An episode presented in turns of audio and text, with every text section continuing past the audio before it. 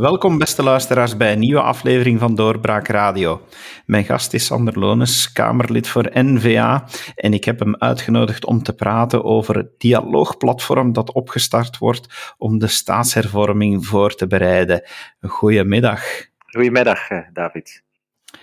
Dialoogplatform eh, klinkt een, als een woord dat we toch niet alle dagen gebruiken. Eh, wat is nu eigenlijk de bedoeling van minister Verlinde en van, bij uitbreiding van de regering met een dialoogplatform? Goh, ik denk dat de paarsgroene regering vooral wil dat we de uitslag van de verkiezingen vergeten. En dat is de bedoeling. Dus wat zien we? Er zijn verkiezingen geweest, die waren zeer duidelijk. Daar is Vlaams gesteld, uh, gestemd, daar is redelijk radicaal gestemd. Maar we hebben een volledig andere regering gekregen, een regeerprogramma van de regering De Croo, dat ja, paarsgroen is en eigenlijk niet aansluit op wat de Vlamingen willen, ook niet wat de Vlamingen nodig hebben. En stukje bij beetje zie je dat die regering initiatieven neemt om ervoor te zorgen dat we dat vergeten. Er is al een grote mediacampagne geweest om ons te proberen wijsmaken dat wij één team zouden zijn van 11 miljoen Belgen. Kostte toen 3 miljoen euro, die campagne. En nu hebben ze een nieuw speeltje ontdekt, een online burgerbevraging, opnieuw 2 miljoen euro die er bovenop komt. Eh, en men hoopt eigenlijk constant dat ze eh, andere antwoorden zullen krijgen. Al is maar omdat ze de werkelijkheid niet willen zien. De werkelijkheid die in Vlaanderen zeer duidelijk is. Wij willen die paarsgroene regering niet. Uh, maar dus men probeert dat gewoon ja, wat te negeren en, en eigenlijk een nieuwe realiteit af te kopen uh, op, op kosten van de belastingbetaler met deze bevraging, eh, wat ja, je zegt van ja goed, men probeert te bereiken dat men de verkiezingen vergeet, maar nu concreet naar de staatsinrichting, vreest u dat de vragen zodanig gaan gesteld worden dat het een bepaalde uitslag al garandeert op voorhand? dat is een van mijn fundamentele problemen met, met heel dat dialoogplatform, die burgerbevraging. Het parlement wordt gewoon niet betrokken. Wij mogen zelfs niet weten welke vragen er precies gesteld gaan worden. Uh, dat, dat is een proces dat begeleid wordt door een wetenschappelijk comité. Ik vraag al maanden dat wij die mensen eens mogen zien, uh, om mensen te weten van wie zijn dat, hoe zullen ze dat behandelen, welk computersysteem zit daarachter, hoe zullen de antwoorden, welke vragen zullen worden gesteld, maar ook vooral wat zal er gebeuren met de antwoorden. Op bepaalde momenten hoorde ik dat er een uh, artificieel intelligentiesysteem zal worden gebruikt om, ja, om antwoorden wat te filteren. Als je buiten de norm valt, dan, dan tel je niet mee. Uh, vorige week heb ik minister Verlinden daar nog eens over bevraagd en, en heeft zij eigenlijk nog iets nieuws gezegd, dat, dat er blijkbaar een soort monitoring komt van de antwoorden, zoals dat gebeurt op websites van, van krantenpagina's. Ja, waar, waar is men in godsnaam mee bezig en waarom mogen wij dat niet weten? En dat stoort mij mateloos. Hè. Men probeert eh, het parlement te omzeilen. Uh, wij, mogen niet, we krijgen geen inzicht in hoe, hoe dat precies wordt opgezet. Uh, we mogen niet meepraten of er goede vragen worden gesteld, welke vragen dat zullen zijn, wie precies mag deelnemen. Uh, maar we moeten dat gewoon ondergaan en dat is eigenlijk gewoon niet correct. Hè. Vooral omdat we weten wat de verkiezingsuitslag was. En dat is de allereerste burgerbevraging. Hè. Daar heb je geen nieuw paarsgroen online platformpje voor nodig van, van 2 miljoen euro heb ik u dat nu goed horen zeggen? Er komt een artificiële intelligentie die gaat filteren op wat buiten de norm valt. Dan hoor ik een aantal uh, zaken waarover ik mij ongerust maak. Filter wil al zeggen, er valt een deel buiten.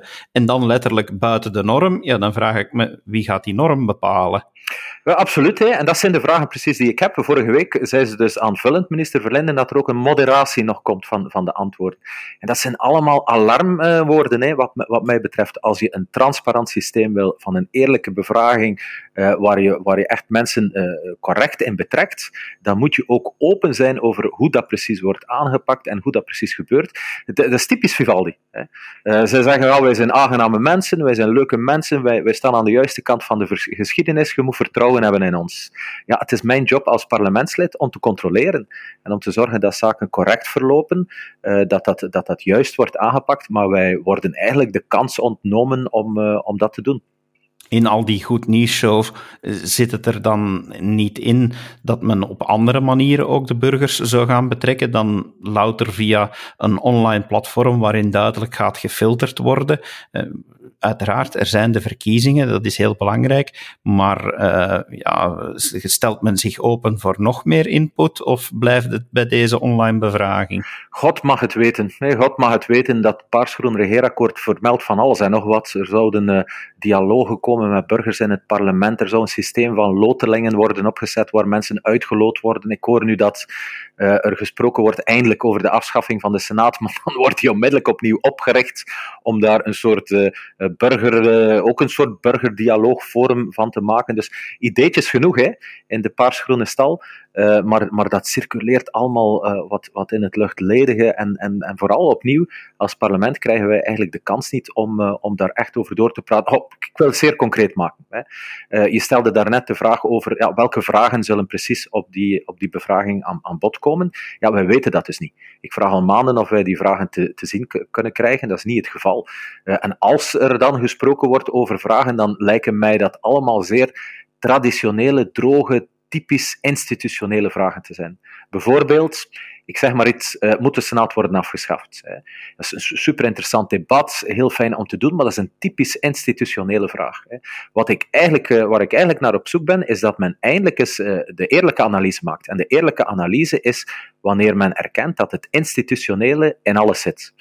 Maatschappelijk debat is institutioneel, een economisch debat is institutioneel, een sociaal debat is institutioneel. Ik wil niet alleen vragen over de afschaffing van de Senaat, daar kennen we eigenlijk wel het antwoord op. Iedereen wil die afschaffen.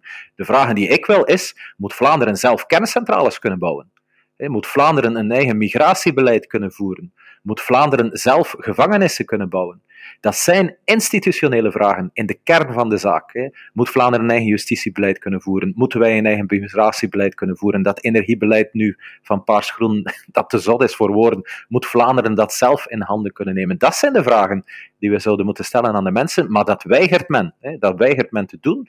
Maar gewoon nog eens eh, de vraag, ja, moeten we de Senaat afschaffen en dan doen alsof er een grote nieuwe, nieuwe dialoog is opgestart? Ja, dat, dat lijkt mij 2 miljoen eh, weggegooid geld. Op die vraag weet ik het antwoord wel. Uh, natuurlijk moet dat worden afgeschaft, die Senaat is eigenlijk niet de meest fundamentele vraag die men zou moeten stellen. En dat zou dan natuurlijk wel anders moeten dan zoals ik ze nu stel. Artikel 35 van de Grondwet, moeten we dat gaan gebruiken of niet? Met andere woorden, moeten we eigenlijk het confederalisme gaan invoeren of niet? Is dat niet een van de meest fundamentele vragen die zo gesteld moeten worden? Wat mij betreft absoluut. Hè. Uh, dat is de vraag naar de paradigma shift. Moeten we eindelijk stoppen met het afbreken van uh, federale bevoegdheden en die te geven aan de deelstaten, maar, maar kijken hoe wij op een, een positieve manier alle bevoegdheden aan, aan Vlaanderen en Wallonië kunnen geven en dat zij dan zelf beslissen op welke domeinen het nuttig en nodig is en er een democratische meerwaarde zou kunnen zijn om, om, om samen te werken. Dat is een hans andere dynamiek en dat zou een nuttige vraag zijn die je dan ook op een, op een degelijke manier kan laten begeleiden. Je kan er wat experten uitleg over kunnen laten geven. Je kunt vragen aan, aan politieke partijen om daar info in te voorzien.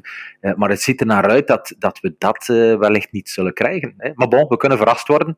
Uh, we zullen effectief verrast worden, want vooraf krijgen we, krijgt het parlement niks te zien. Hè. Het is inderdaad wel bijzonder dat het parlement niet betrokken wordt bij zoiets belangrijk, eh, buiten een akkoord gaan met, uh, met een blanco vragenlijst, want dat blijkt het dan wel te zijn.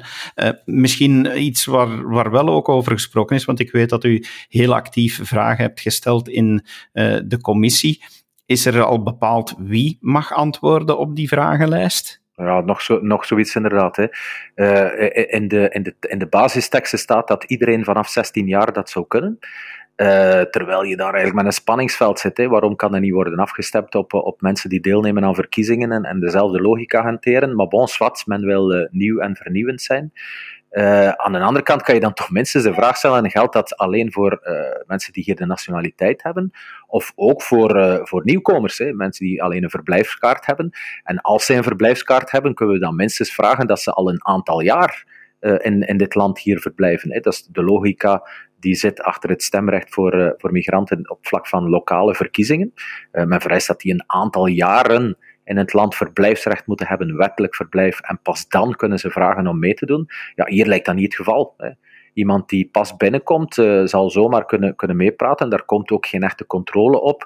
Er komt zogezegd een platform met een, met een EID-kaart of een elektronische vreemdelingkaart, maar daarnaast zal er ook een mogelijkheid om gewoon via mail te kunnen participeren. Dus het even goed mogelijk dat mensen zonder wettig verblijf dat doen, om, om het bijvoorbeeld concreet te maken. Ja, dat zijn toch allemaal zeer grote vragen over een project dat zeer binnenkort uh, moet starten. We hebben het daar nog niet over gehad. dat dialoogplatform was aangekondigd en dat zou al in september worden, worden uitgevoerd. En nadien is dat verlaat naar december en dan is het februari geworden. Nu is het april en eigenlijk is het al tegen de zomer dat men zit. Dus men krijgt dat niet van de grond. Men, men weet alleen dat men er veel geld aan gaat geven, dat er een Belgisch veertje rond, uh, rond moet hangen. En voor de rest uh, moeten wij dat gewoon maar ondergaan. Ik vind dat echt niet correct. Maar dat ondergraaft dan toch volledig de geloofwaardigheid van die online bevraging. qua representativiteit bijvoorbeeld, kunnen bepaalde groepen gaan oververtegenwoordigd worden, andere groepen een heel pak minder. We weten dat onder andere zoiets hand in hand gaat met, met sociale achtergrond. Dus eh, ja, die geloofwaardigheid, maakt men zich daar geen zorgen om? Maar je maakt een zeer, zeer goed punt. Hè. Meer nog, hè, men zal bijvoorbeeld de vakbonden aanmoedigen om, uh, om zelf op eigen initiatief ook, uh, ook te antwoorden op, op die, op die vragenlijsten en om in dat debat tussen te komen. Dus zelfs een aantal institutionele spelers die ja, niet, niet de bevolking gewoon echt eh, rechtstreeks vertegenwoordigen, zullen een, een, een belangrijke stem in dat debat krijgen. en geef mij dan maar verkiezingen, hè, waar één stem uh, ook één, eh, één impact heeft, in plaats van opnieuw ja, elke, ja, wat, wat, wat sfeerschepping en onder elkaar feestjes zitten bouwen. Hè. Op ons kosten dan wel, natuurlijk. In deze regering zijn twee ministers bevoegd voor institutionele hervormingen. Gebeurt er gewoon buiten deze bevraging nog iets op dat vlak? Eh, komen er voorstellen? Ja. Misschien uh, over de twee ministers. Hè. Het, een van de grote problemen, denk ik, is dat. Uh, het is ook een zegen hoor. Uh, maar dat geen een van de twee Christophe Calvo is. Uh, wie zit er achter al die leukigheden rond uh, democratische vernieuwing, die, die ja, niet noodzakelijk representatief zijn en al zeker niet echt eh, de, de, duidelijk, een, een, duidelijk nieuwe dynamiek creëren, dat is vaak Christophe Calvo. Dat dialoogplatform, dat, dat komt uit zijn koker. Uh, maar hij is geen minister. En je ziet dat die twee die wel minister zijn, eigenlijk niet goed weten wat ze daarmee moeten aanvangen. Hè. En dat, dat verklaart ook wel hè, waarom ze schrik hebben om inzicht te geven aan het parlement. Dat verklaart ook waarom dat ze niks anders kunnen doen dan gewoon er veel geld tegenaan aan gooien, omdat ze eigenlijk niet echt weten wat ermee gedaan. Hè. Uh, wat ik eerder zou verwachten van hen, en dan antwoord ik op uw vraag, is dat ze met andere zaken bezig zijn. Hè. Het is niet omdat, uh, omdat de grondwet niet voor herziening vatbaar is verklaard, dat er deze legislatuur niks kan gebeuren. Hè. Het is perfect mogelijk om nu al federaal beleid, Belgisch beleid, af te stemmen op de noden van de deelstaten. Men noemt dat asymmetrisch gaan besturen, dus uh, bevoegdheid niet formeel splitsen, maar eigenlijk de facto op terrein wel anders gaan voeren in Vlaanderen en Wallonië. Staat in het regeerakkoord, maar wordt totaal niet uitgevoerd. Hè. Uh, wordt ook zo zelfs door CD&V-minister Krevits erkend. Uh, type voorbeeld arbeidsmarktbeleid. Hè elke ondernemer is op zoek naar mensen die kunnen werken. Iedereen heeft vacatures openstaan. We hebben echt nood aan, uh, om, die, om die echte turbo te geven aan onze arbeidsmarkt. Vlaanderen vraagt er al meer dan een jaar dat er asymmetrische maatregelen komen, dat het federaal beleid ten dienste komt te staan van onze noden, al meer dan een jaar. Al meer dan een jaar ook hier in dit Belgisch parlement horen wij dat het allemaal in orde komt. Maar wat blijkt? Juist niks. Hè. Een zeer duidelijke uh, interview vorige week in de pers van uh, minister Krevis, die zegt, ja, zij wacht nog altijd op de eerste actie van eh, PS-minister Dermanier. En dan zie ik dat de VLD ook op die, op die kar springt. CD&V zit op die kar. En dan vraag ik me echt af, waar zijn jullie in godsnaam mee bezig? Hè? Dat zijn typisch traditionele partijen die, in die hun kar aan die Belgische regering hebben gehangen en die dus nu moeten zitten wachten op de PS. Terwijl wanneer ze gewoon die bevoegdheid zouden splitsen, dan was het al lang opgelost. Dan moesten wij niet meer wachten op de PS. Dan kan de PS doen wat ze willen in Wallonië. En dan kunnen wij tenminste vooruit. Maar bon, op dat vlak, um, ook dat is een verantwoordelijkheid van die twee ministers van institutionele vernieuwing. Uh, minister Verlinde van de CD&V en minister Clarenval van de MR. Maar daar gebeurt ja, juist niks. Ja. Bij NVA ja, was toch een beetje de afgelopen jaren het communautaire wat uh, minder in de verf gezet. Gaat dat nu veranderen? Van, gaan, gaan jullie daar terug duidelijker en harder mee aan de slag gaan naar aanloop van 2024, om dan toch wel te kunnen toewerken dat er dan echt een degelijke staatshervorming komt? Ja, absoluut. Hè. Iedereen ziet dat 2024 het moment wordt om te kiezen. De luxe om aan de kant te staan, die hebben we niet meer. We hebben gezien wat een ander beleid kan betekenen. Een beleid waar er op, meer op zijn Vlaams wordt bestuurd. De feiten zijn er. Hè. Belastingen zijn gedaald, de staatsschuld is toen gedaald, de koopkracht van de mensen is gestegen. Uh, als je het Vlaamser doet, dan is het beter. Hè. Uh, nu zien we opnieuw dat er teruggekeerd wordt eigenlijk naar een beleid dat, dat wat hetzelfde was als een beleid onder Elio Di Rupo. Hè. Een linkser beleid, een Waalser beleid, waar mensen die inactief zijn worden beloond, waar de belastingen naar boven gaan met nu al meer dan 2 miljard, waar de staatsschuld stijgt. We zitten al boven de 112 procent, waar de koopkracht van de mensen daalt, uh, waar er de kerncentrales worden gesloten, terwijl Vlamingen eigenlijk willen dat dat gewoon verstandig open blijft.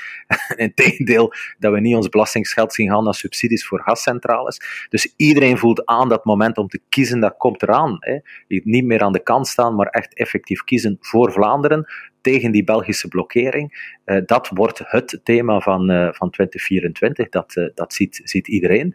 en dat is de campagne ook die wij al jaar en dag voeren. dat is geen zuiver institutionele campagne in de strikte betekenis van het woord, maar een echte institutionele campagne waarbij de communautaire uitdagingen in alles zitten in ons veiligheidsbeleid, in ons migratiebeleid, in ons energiebeleid, in ons arbeidsmarktbeleid, overal. Hè. Uh, het is duidelijk dat het anders moet. Hè. België blokkeert. Het moet inderdaad duidelijk anders. Ik hoor het u heel graag zeggen, meneer Lones. Dank u wel dat u de tijd hebt genomen om dit toe te lichten. Absoluut zeer graag en uh, blijven strijden, hè. dat zullen we doen. We blijven het volgen. We spreken elkaar nog wel in deze podcast. Beste luisteraar, dank u wel dat u geluisterd hebt en heel graag tot een volgende keer. Dag. Dit was een episode van Doorbraak Radio, de podcast van doorbraak.be.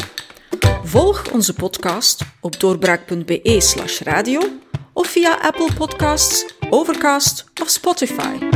Bezoek ook onze website op doorbraak.be en steun ons door een vriend te worden van Doorbraak.